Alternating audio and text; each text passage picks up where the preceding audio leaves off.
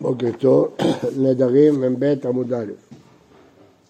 המודר הנאה מחברו לפני שביעית אינו יורד לתוך שדהו, הוא לא יכול להיכנס לשדה לאכול מפירות שביעית ואינו אוכל מן הנוטות. ובשביעית, אם הוא הדיר אותו בשביעית, אינו יורד לתוך שדהו, אבל אוכל הוא מן הנטיעות הנוטות, כיוון שזה הפקר. אז הוא לא נותן לו שום דבר משלו.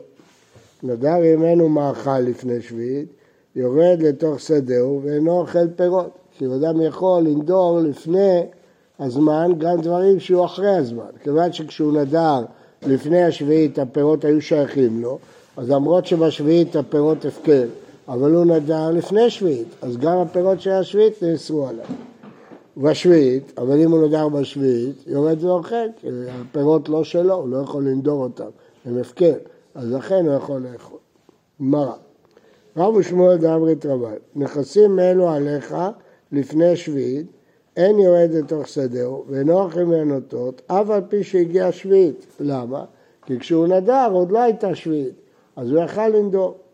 ואם בשביעית נדר, אין יורד לתוך שדהו כי אסור לו ליהנות, אבל, מהשדה, אבל אוכל הוא מן הנוטות, יכול לאכול מהפירות, כי הפירות ההפקר, הוא לא יכול לנדור אותם בשביעית. אז למה לתוך שדהו? הרי לכאורה גם השדה היא הפקר, אז התשובה היא לא, השדה היא, הפירות הם הפקר לגמרי.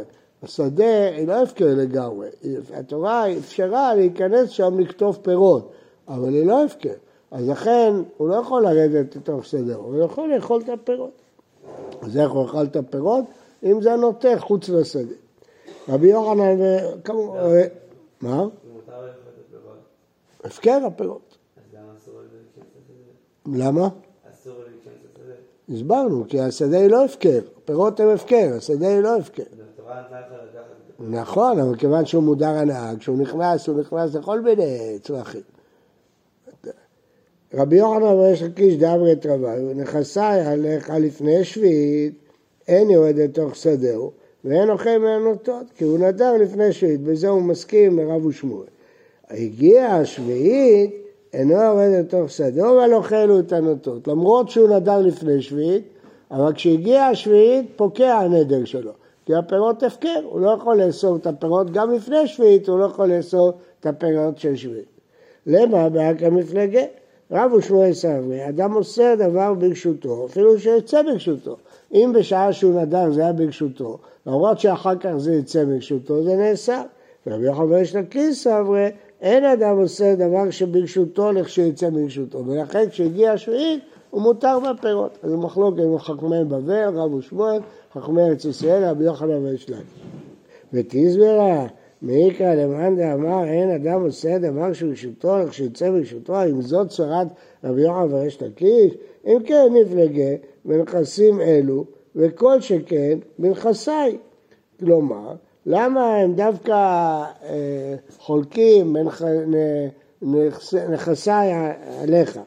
אפילו אם הוא יגיד נכסים אלו עליך, עכשיו זה שלו, אפילו אחר כך זה לא יהיה שלו, אפילו שובר נכסים האלו, מותר, היה צריך להגיד חידוש יותר גדול.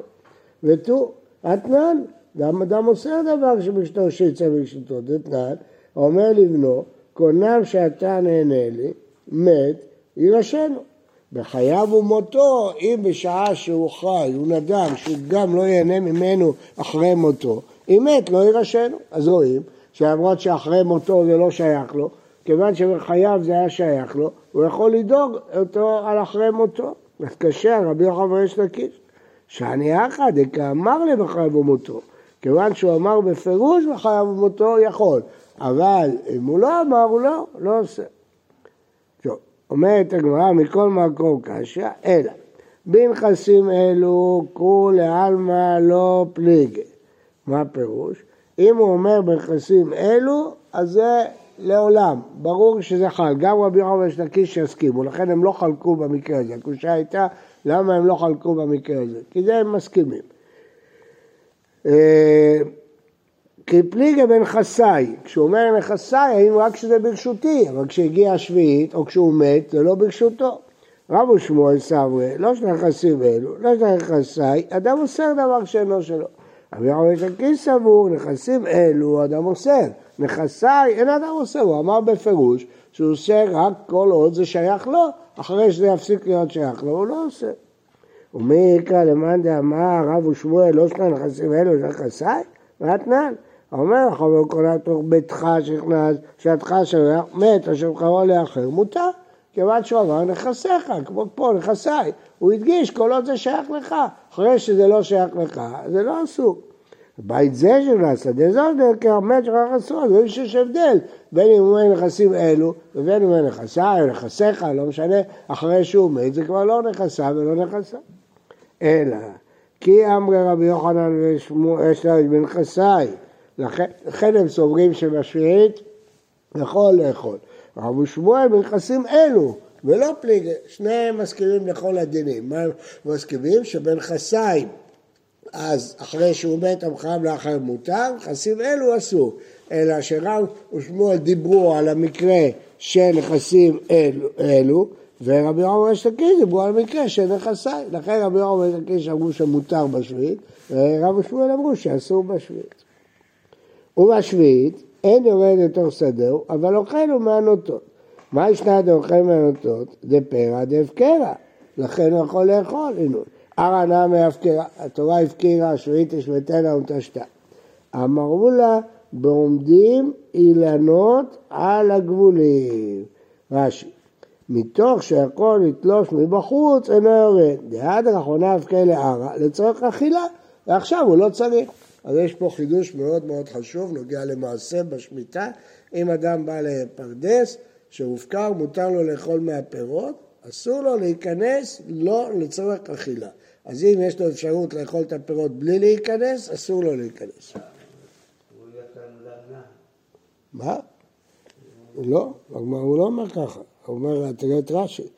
אה, כי עד רחמנא אבקרא לצורך אכילה, זה הכל. רב שמעון בן אליקים אמר גזירה שמא אישה בעמידה, בעצם גם השדה מופקרת.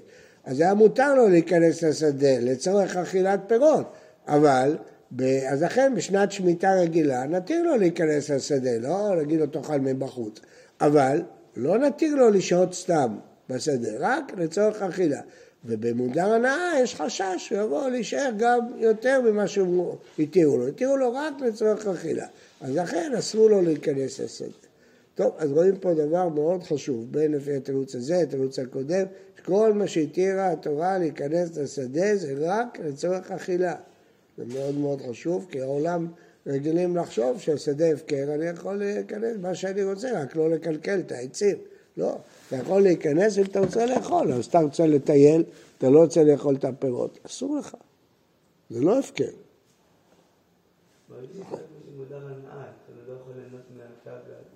אסור לו ליהנות מהקרקע. הפירות מותר לו, או כניסה לקרקע לצורך הפירות מותר לו. מה? מה ההבדל?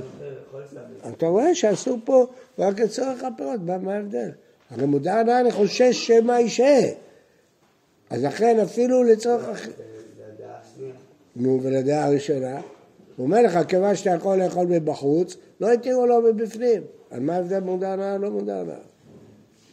אין הבדל. אם הוא יכול, אם הוא לא יכול, אז יתירו לו להיכנס בפנים. לפעמים יש ענפים שנוטים החוצה.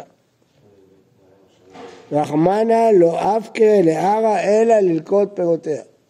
זה הלכה. אם אדם הולך לטייל בשנת השמיטה, הוא לא יגיד כל השדות מופקרים, אני יכול להסתובב איפה שאני רוצה בתנאי שאני לא אזיק. לא. רק אם אתה רוצה לאכול, יתירו לך. זה חידוש חשוב מאוד, בהלכות שמיטה. אני לא זוכר שזה כתוב ברמה, וככה זה יוצא מפה. וכל מה שהתירו זה כניסה לשדה לצורך אכילת הפירות. זה הכל. משנה, המודר הנאה מחוברו לא ישאילנו ולא ישאל ממנו כלים, כי הוא נהנה ממנו, לא ילוונו ולא ילווה ממנו, לא ימכור לו ולא ייקח ממנו. הלוואה זה בכסף, לא ימכור לו ולא ייקח ממנו. לא, כמובן קשה. לא ישאיל לו, לא ילווה לו, מובן שהוא מענה אותו. אבל אם הוא שואל ממנו, לווה ממנו, מה הוא מענה אותו?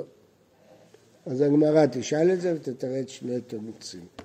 אחת, שזה גזירה, שאם הוא ישאל הוא גם ישאל, ותירוץ שני, שמדובר פה ששניהם נדעו הנאה אחד מהשני. אבל ברור שאם רק אחד נדר הנאה, אז מה אכפת לי שהוא לווה ממנו. בוקר טוב ובריא לכולם. תודה רבה. בוקר טוב.